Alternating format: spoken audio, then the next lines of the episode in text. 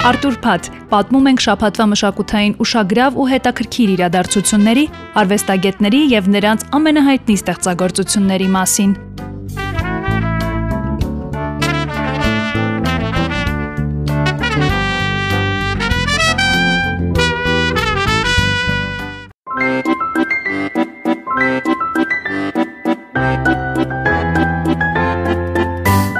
Մեծ գրքատոնի մի մասը դառնալ երազում են բոլոր նրանք, ովքեր ապրում են գրքերում ու գրքերի հետ, ովքեր բոլոր էմոցիաները, զգացողությունները կիսում են իրենց սիրելի գրողների ու նրանց ստեղծագործությունների հետ։ Սեպտեմբերի 9-ը հենց նրանց համար առանձնահատուկ է լինելու։ Այդ օրը կեսօրից մինչ ուշ երեկո Սիրահարների այգին ողողված է լինելու ֆրանսիական շնչով։ Գրքերի շնորհանդեսներ, թատերականացված ընթերցանություն, համերգ, տեսահոլովակի պրեմիերա եւ այսպես շարունակ։ Ողջ օրվա ընթացքում Նյումեկ հրատարակչություն Ալիևանն իր ընթերցողներին ծանոթ ու անծանոթ բոլոր մարդկանց պատմելու է ֆրանսիական պոեզիայի, գրականության, երաժշտության ու կյանքի մասին։ Նյումեկ հրատարակչության ստրատեգիական եւ հատուկ նախագծերի ղեկավար Գոհար Մանուկյանը եւ հրատարակչության մուլտիմեդիա բովանդակության ղեկավար Մանու Իրիցյանը պատմելով Ֆրանկոֆեստ փառատոնի մասին ասում են, որ սա ամենակարևոր ակորդն է, որով էլ տրվում է մեծ համագործակցության մեկնարկը։ Փառատոնը կսկսվի 11:00-ին առավոտյան, բացումը կլինի պաշտոնական հյուրեր կլինեն, որից հետո արդեն կսկսվի մինչև օրվա վերջ գրեթե մինչև երևի 22:00 կամ 23:00 10 ժամ ամենակիչը կլինի միջոցառումը բացումից հետո սպասվում են համարյա թե ժամը 1 շնորհանդեսներ գրքի կլինեն երաշտական ընդմիջումներ որպիսի միայն գրքեր եւ ընթերցանություն ու քննարկումներ չլինեն շատ հետաքրքիր կատարումներ ունենք վերջում կա գալա համերգ մեր հովանավորներն ունեն տաղավարներ ինչպես արդեն ասացին գինի ֆրանսիական սուրճ կրուասաններ այսինքն այն ամենը ինչը կարող է տրամադրել գիր կարդալուն, գիր գնելուն, մեր գրքերը այդ օրը կվաճառվեն մինչև 40% զեղչով բոլոր գրքերը, այսինքն նաև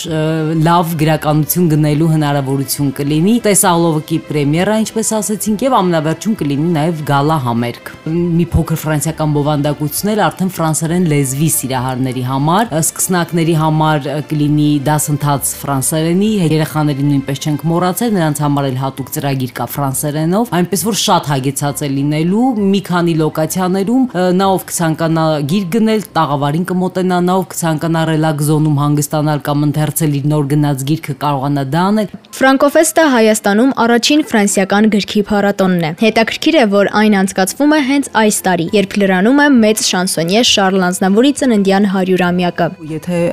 հետ գնանք 2018-ին հիմնադրվել է Նյումեգը եւ 2019 թվականից մենք հրատարակում ենք Շարլ Ազնավուրի գրքերը։ Գուցե նաեւ մենք ոգեշ շնչված ենք Ազնավուրով, որովհետև 10 գիրք ներկայացնելուց 5 տեսահոլովակ ներկայացնելուց հետո կարելի ասել սա շատ տրամաբանական շարունակությունն է։ Միշտ հայ-ֆրանսիական կապերը ամուր են եղել ու Ֆրանսիայում անցկացվել է Հայաստանի տարի, շատ կարևոր ցուցադրություններ են այնտեղ տեղի ունեցել։ Միշտ ամենակարևորը աստղերը, ամենակարևոր դեմքերը Ֆրանսիայի միշտ իրենց ուղերձներով ձայնը հնչեցնում են ի պաշտպանություն Հայաստանի։ Ժոել Դիկեր, Անյես Մարտեն Լյուգան, Ամելի Նոտոմբ, Անդրեյ Մակին, ծանոթ անուններ են։ Նրանք այն հեղինակներն են, որոնք ֆրանսիական գրականությունում ունեն իրենց կարևոր ու առանձնահատուկ տեղը։ Այս հեղինակների գործերին դուք հավանաբար ծանոթ կլինեք ռուսերեն կամ անգլերեն թարգմանությամբ։ Սեպտեմբերի 9-ից սկսած կարող եք հեղինակների ստեղծագործությունները կարդալ նաև հայերեն տարբերակով։ Իսկ թե որ գործերն են Նյումեգը որոշել նվիրել ընթերցողներին, կիմանանք Մանու Իրիցյանի հետ փոքրիկ ճամփորդության շնորհիվ։ Դե ինչ, ուղությունը դեպի ֆրանսիական գրականություն։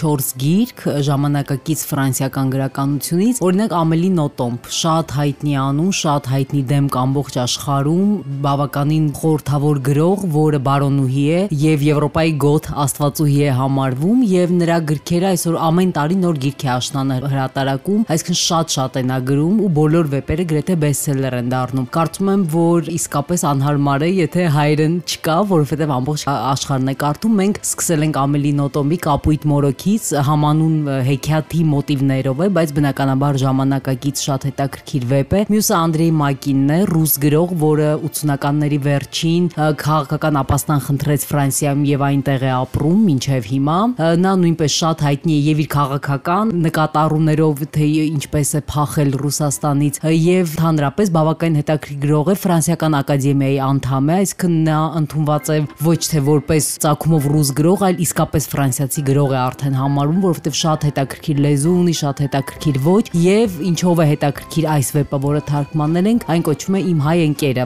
Հայ իր ընկերոջ մասին է, իրական դեպքերի հիման վրա է գիրքը գրել, իր մանկության հուշերից է, որտեղ անդրադառնում է հայոց ցեղասպանությանը, հայերին, աքսորի ժամանակ բռնադատված արևմտյան Հայաստանից սովետական միություն փախած, հետո արդեն աքսորված հայերին, շատ հուզիչ, շատ թախծոտ, բայց շատ մտերմիկ, ջերմ վեպ է։ Մյուսը Ժոել Դիկերի ճշմարտությունը Հարիկ Վեբերտի գործի մասին, սա կարծում եմ, որ շատերն են Հայաստանում կարդացել, որովհետև ինքը սենսա գրական սենսացիա է համարվում երիտասարդ գրողի գրքերից մեկն է եւ Հայաստանում շատ են սիրում Ժոել Դիկեր, բայց հայերեն չկար, այնպես որ սա նույնպես սեպտեմբերի 9-ին կներկայացվի եւ վերջին գիրքը Անյես Մարտեն Լյուգանի գիրքն է, որը արդեն մոտ 10 տարի է բեսելեր գրքերի ցանկում է միշտ, համարյա ամեն տարի։ Այն կյանքի իմաստը կորցրած, ապրել չցանկացող մի կնոջ մասին է, որը կարողանում է հաղթարել ու նորից ապրել։ Գրողը ինքը հոգեբան է, այնպես որ շատ հետաքրքիր գիրք է եւ իրոք ասում են այն գրքերի ցանկում է, որ հոգեբանի մոտ այցելությունն է կանխում կամ հետաձգում։ Ու հենց այս գրքի վերնագիրն էլ դարձել է մեր փառատոնի խորագիրը, այսինքն Ֆրանկոֆեստ երջանիկներն ընթերցում են եւ սրճում։ Սեպտեմբերի 9-ը վերածվելու է իրական գրքատոնի։ Նյումեգի ընթերցողները շատ անգամներ են առիթ ունեցել մասնակցելու հրատարակչության կազմակերպած փառատոներին, բայց սա իր տեսակով առանձնանում է։ Գոհար Մանուկյանն ասում է, որ այս փառատոնը հրատարակչության համար մեծ նշանակություն ունի, ու նրանք անհամբեր սպասում են բոլոր նրանց, ովքեր ցանկանում են թափանցել ֆրանսիական գրականության աշխարհ։